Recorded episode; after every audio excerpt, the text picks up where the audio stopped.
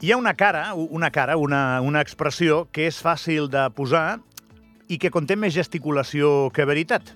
És d'aquelles cares que fa que sembli que passen més coses de les que passen en realitat. És la cara de velocitat.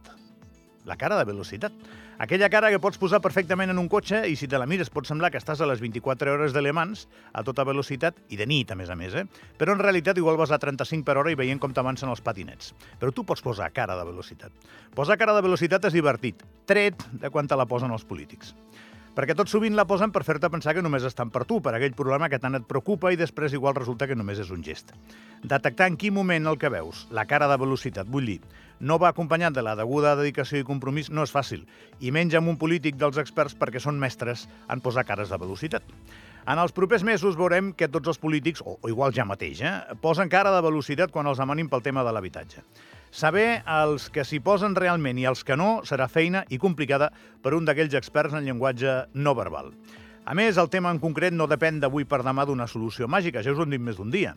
En un país de lliure mercat com Andorra, els lloguers no començaran a baixar de manera màgica i les polítiques al respecte mostraran el seu èxit només a través del temps.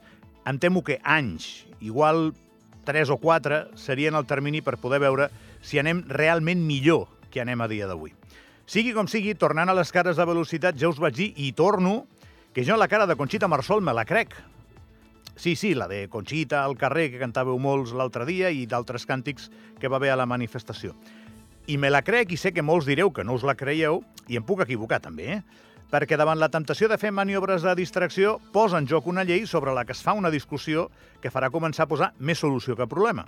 I és veritat, potser no la va encertar a la primera, però repeteixo, si poses un terreny de joc, porteries i pilota, comença el partit.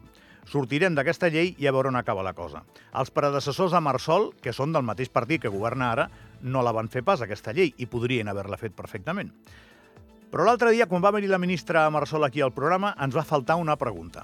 A mi, el primer, sobretot a mi, que sóc el professional, però ja posats, i com que m'ajudeu vosaltres, al 360 843, vosaltres també, perquè no me la veu dir, aquesta pregunta. Una pregunta que diu així. Quines pressions ministre Marsol ha rebut dels propietaris de pisos darrerament? I ja posats a completar la pregunta, alguna de les persones que l'ha pressionat també és càrrec públic? Embolicat en la llei i en la manifestació a mi se'n va passar. I és bona la pregunta, eh? A la ministra no només l'apreta al carrer, també l'apreten els propietaris, els empresaris. I la prova que no està tan malament al punt de partida que ella proposa per negociar és que ara mateix no hi ha ningú content. Ni ho esteu els que us manifestàveu ni ho estan els empresaris. Perquè ningú no sent haver guanyat la partida. I això que jo sàpiga és la política, quan ningú no sent que ha guanyat perquè es negocia. Una altra cosa, i això ho entenc perfectament, eh, és que si tu m'estàs escoltant ara mateix i ho estàs passant malament, no trobis abric en la política només. I això, entenent-ho, és un drama real que ha de cometre l'administració amb urgència, perquè ningú, absolutament ningú, hauria de quedar endarrere mentre les coses es van arreglant.